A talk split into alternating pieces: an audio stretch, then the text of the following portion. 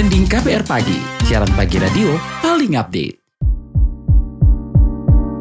What's Trending KPR Pagi bersama gue Don Brady kembali lagi menemani pagi hari Anda semuanya di hari Rabu 23 November 2022. Well, pagi ini kita ngobrolin soal ancaman gempa besar, gimana mitigasi korban. Gempa bermagnitudo 5,6 di Cianjur, Jawa Barat menyita perhatian masyarakat dan para pemimpin dunia. Tagar turut berduka cita menjadi trending topik di media sosial Twitter. Selain itu, kabar tentang perkembangan penanganan korban gempa juga memenuhi lini masa. Salah satu yang disinggung belakangan ini adalah potensi adanya gempa megatrust yang masih jadi ancaman di Indonesia. Apa itu Megatrust? Laman Badan Riset Inovasi Nasional BRIN melansir EOS Science News by American Geophysical Union, gempa Megatrust adalah pecahnya batas lempeng yang terjadi di bidang kontak dua lempeng tektonik yang bertemu di zona subduksi akibat adanya gerakan relatif antar lempeng tidak terbendung dan tekanan terkumpul di area dua lempeng, sehingga pelepasannya melalui gempa dahsyat yang disebut megatrust.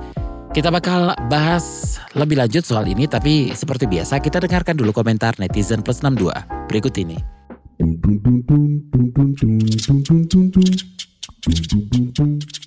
Kita ke komentar at Ridwan Kamil, meninjau langsung korban gempa di RSUD Sayang Cianjur. Bantuan logistik sudah dikerahkan, tim unit reaksi cepat BPBD Jabar pun sudah dikirimkan. TNI dan Polri sudah dikerahkan untuk mendata dan membantu korban gempa. Mohon doa bersama untuk para korban. Komentar at Daima XX, pray for Cianjur. At Airam XX harus bikin early warning gak sih emang? Ini gempa Cianjur takutnya Gunung Gede aktif lagi.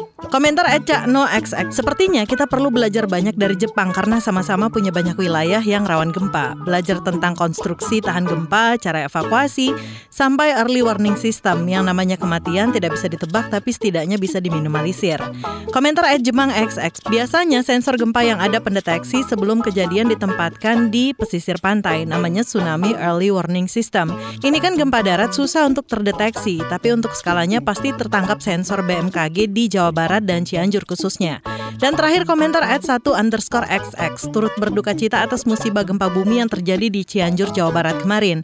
Doa kami untuk mereka yang berduka semoga diberi kekuatan dan kesabaran.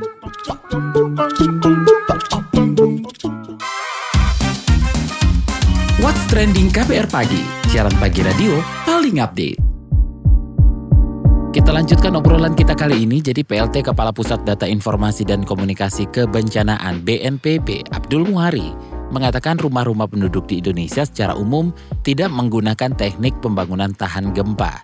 Inilah yang mengakibatkan besarnya kerusakan saat gempa bumi terjadi. Meski begitu, Abdul memberikan tips-tips untuk masyarakat menghadapi gempa. Berikut penuturan PLT Kepala Pusat Data Informasi dan Komunikasi Kebencanaan BNPB Abdul Muhari di acara Megatrust mengancam bagaimana kesiapan masyarakat pada 21 November 2022 ada eh, cara-cara sederhana, cara-cara simple, cara-cara yang mungkin bisa dilakukan oleh masyarakat misalnya seperti ini kita taruh satu baut atau satu uh, batu gitu di dalam tiap kaleng kita susun setiap rumah atau tiap tempat pengungsian yang dekat rumah yang mungkin sudah tidak aman. Kalau terjadi goyang lagi tentunya akan jatuh. Ini sebagai peringatan dini berbasis masyarakat yang kalau misalkan rangkaian kaleng ini jatuh kita segera ke daerah yang benar-benar terbuka untuk menghindari jatuhan. Hal-hal seperti ini yang mungkin secara praktis saat ini karena masih ada gempa-gempa susulan yang perlu di, juga diperhatikan. Mulai malam hmm. mungkin kita istirahat dan lain-lain, kita terlelap ketika ini jatuh bunyi sangat berisik kita bangun dan itu kita segera lari ke tempat hmm. yang terbuka kita tidak bisa menebak dengan tepat sampai kapan stabilisasi dari energi gempa berjalan. Karena ada beberapa kejadian juga setelah stabilisasi energi dia turun, tiba-tiba dia ada gempa besar lagi. Dia turun, tiba-tiba ada gempa besar lagi. Hmm. Kita ingat 2018 di Lombok ada tiga kali gempanya dalam jangka waktu dua bulan. Nah hal-hal seperti ini perlu kita waspadai, tetapi tentu saja kita harus melihat dan masyarakat jangan sampai terpancing isu-isu atau berita-berita yang tidak bersumber pada instansi okay. resmi. Nah meski gempa Cianjur kemarin tidak ada hubungannya dengan megatrust, tapi menurut pakar geologi dan kegempaan dari ITB, Dani Hilman, ke depannya perlu ada mitigasi untuk meminimalisir korban. Dani Hilman menyarankan pembuatan aturan pembangunan rumah tahan gempa bumi di Indonesia, sebab gempa tidak bisa diprediksi kapan terjadi, di mana, dan sekuat apa. Namun dampak dan korban gempa bisa ditekan dengan pencegahan di pembangunan infrastruktur dan rumah warga. Ini dia penjelasan pakar geologi dan kegempaan dari ITB, Dani Hilman, kepada KBR 22 November. Ke depan ya kalau ingin meminimalkan korban, peraturan untuk membuat rumah yang tahan gempa itu harus diterapkan.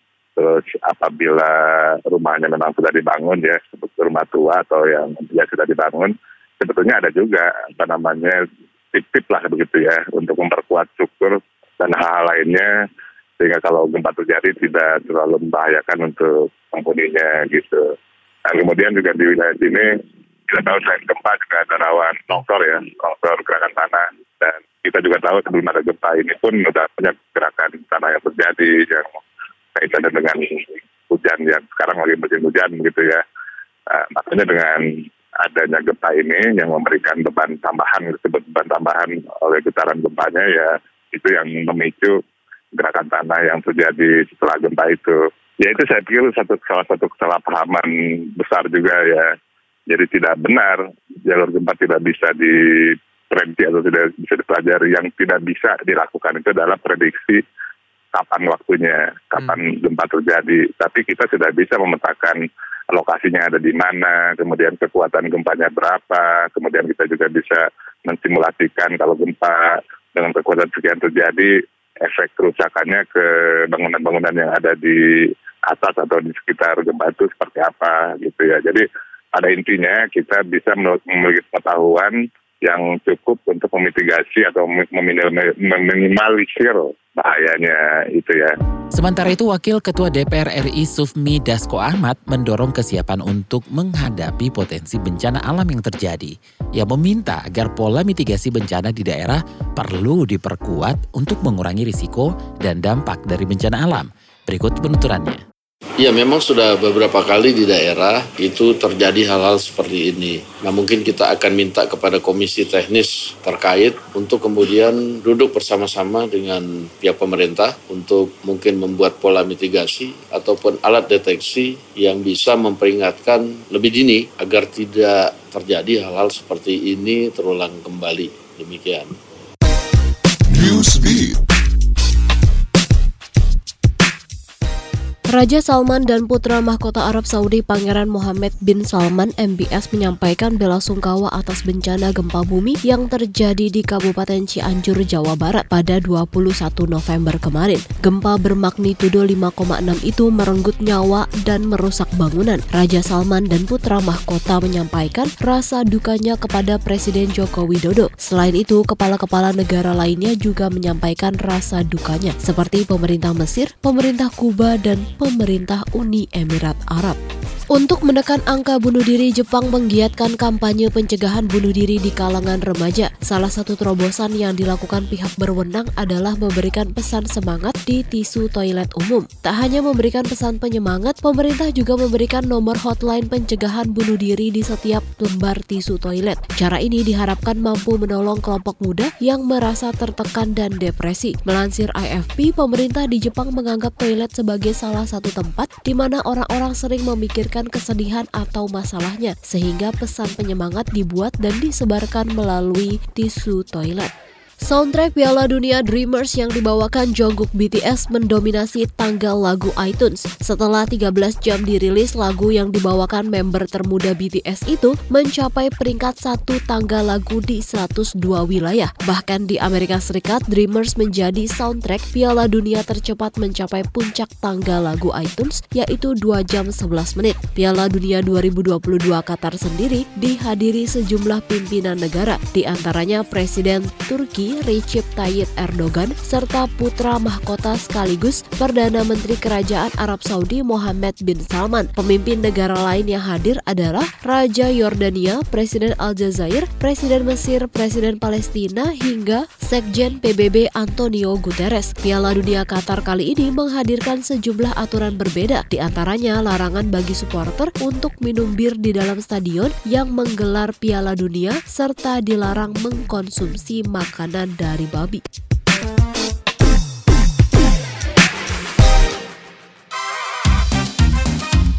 What's Trending KPR Pagi, siaran pagi radio paling update.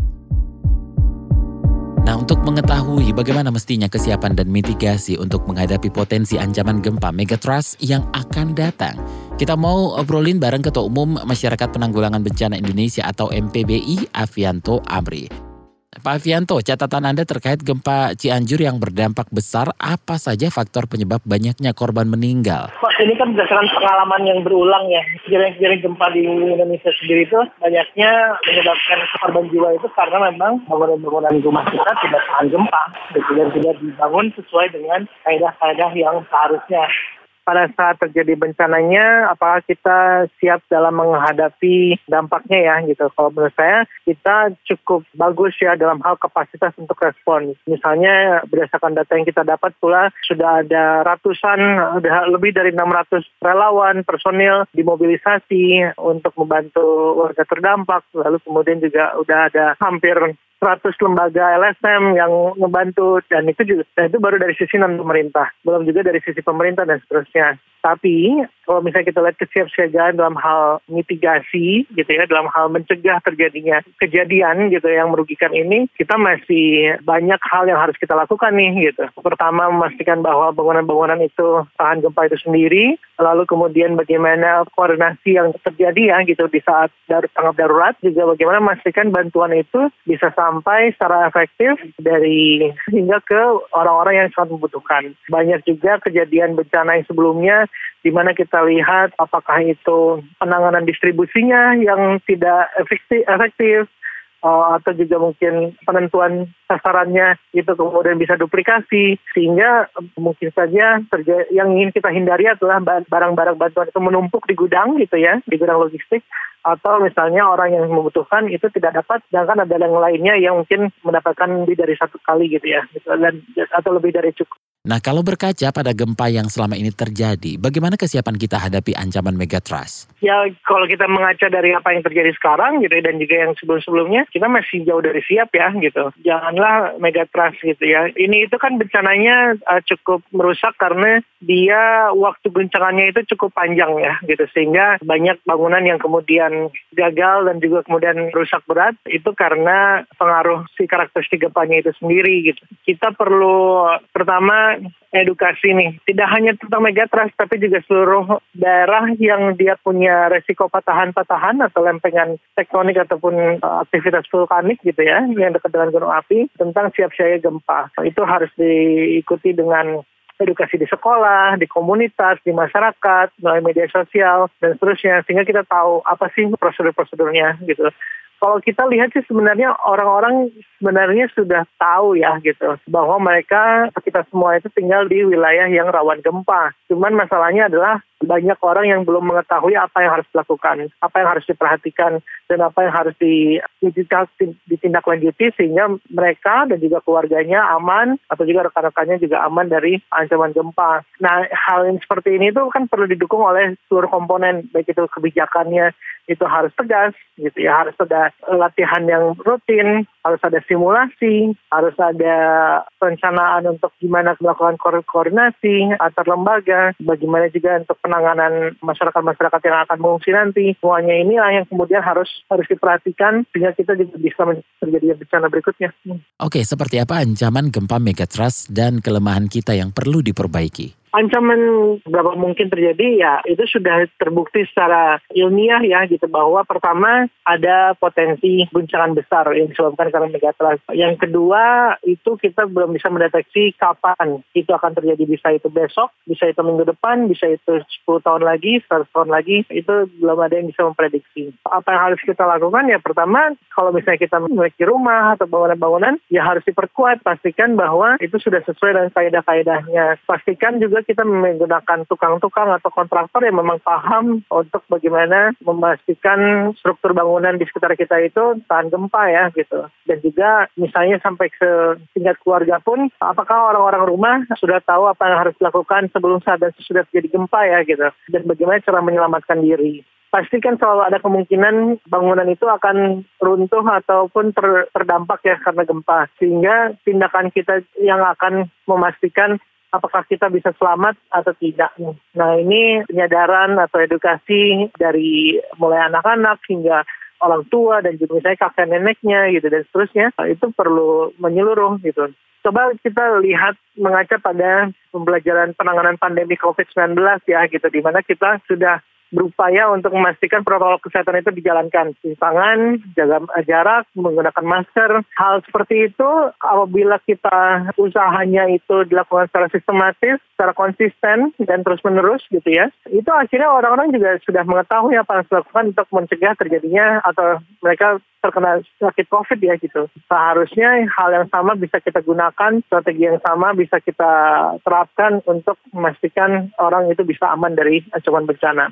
Nah ini tinggal political will dari para pimpinan daerah atau dari para tokoh-tokoh nih gitu untuk memastikan bagaimana kesiapsiagaan bencana itu menjadi prioritas untuk kita semua. Ke depannya mitigasi apa yang harus dilakukan masyarakat dan pemerintah? Bagaimana membangun ketahanan menghadapi megatrust yang berpotensi terjadi nanti? Harus diawali dengan merubah atau mendobrak stigma bahwa terkadang orang enggan untuk membahas tentang ancaman bencana di sekitarnya karena ada ketakutan tersendiri ya gitu. Kita itu sekarang berada di wilayah yang rawan bencana mau di mana pun kita berada kita harus bisa nyaman untuk mendiskusikannya dengan cara yang positif gitu dengan cara yang konstruktif untuk memastikan bagaimana kita menyelamatkan diri atau aman dari bencana. Jangan kita menghindar mendiskusikannya gitu ya atau enggan untuk belajar karena khawatir atau takut ada ada juga kadang-kadang ada mitos yang kok bencana diobrolin ya gitu nanti kayak mengundang-undang terjadi bencana nih gitu. Uh, padahal ini ada topik yang sangat penting dan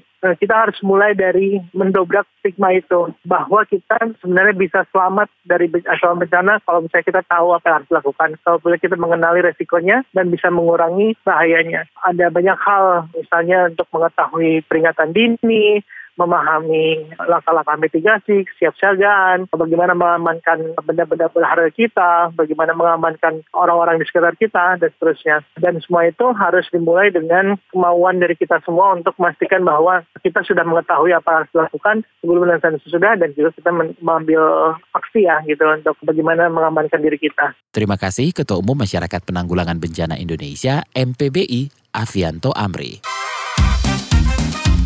What's Trending KPR Pagi, siaran pagi radio paling update.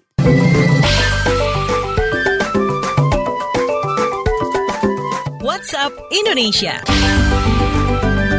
WhatsApp Indonesia dimulai dari Cianjur, Jawa Barat. Kementerian Pendidikan Kebudayaan Riset dan Teknologi Kemendikbudristek memantau akses pendidikan usai wilayah Cianjur, Jawa Barat diguncang gempa bermagnitudo 5,6. Mendikbudristek Nadiem Makarim mengatakan dirinya sudah meminta pemerintah daerah mendata korban gempa dari kalangan pendidik, tenaga kependidikan, peserta didik serta dampak terhadap fasilitas pendidikan. Nadiem mengaku pihaknya akan bergerak cepat membantu para korban gempa tersebut. Sebelumnya gempa terjadi di Kabupaten Cianjur, Jawa Barat pada 21 November kemarin. Gempa bermagnitudo 5,6 itu menewaskan ratusan orang. Selanjutnya menuju Sumatera. Program hashtag Beli Kreatif Sumatera Selatan BKSS diklaim berhasil menaikkan omset 200 UMKM hingga sebesar 89,5 persen dan melibatkan 459 tenaga kerja. Menteri Pariwisata dan Ekonomi Kreatif Menparekraf Sandiaga Uno mengatakan 200-an UMKM yang terkurasi ada di sektor fashion, kria, dan kuliner. Tak hanya meningkatkan penjualan, program ini juga disebut-sebut memberikan pelatihan pendampingan dan perluasan pasar selama tiga bulan. Program BKSS merupakan program turunan dari Gerakan Nasional Bangga Buatan Indonesia Gernas BBI yang telah berlangsung selama tiga bulan mulai dari September hingga November 2022. Terakhir mampir Jakarta, Dirjen Bina Administrasi Kewilayahan Kementerian Dalam Negeri Safrizal ZA menyampaikan pemerintah memperbolehkan masyarakat berkumpul dan mengadakan acara nonton bersama atau nobar Piala Dunia 2022 Qatar. Safrizal mengatakan nobar di tempat publik seperti kafe dan restoran diperbolehkan mengingat euforianya yang begitu besar. Namun pemerintah mengingatkan masyarakat untuk menggunakan aplikasi peduli lindungi. Selain itu, lansia atau seseorang orang yang memiliki penyakit komorbid dilarang berkumpul di tempat publik untuk menonton Piala Dunia. Piala Dunia 2022 Qatar sendiri berlangsung mulai dari 20 November hingga 18 Desember 2022. Demikian WhatsApp Indonesia hari ini.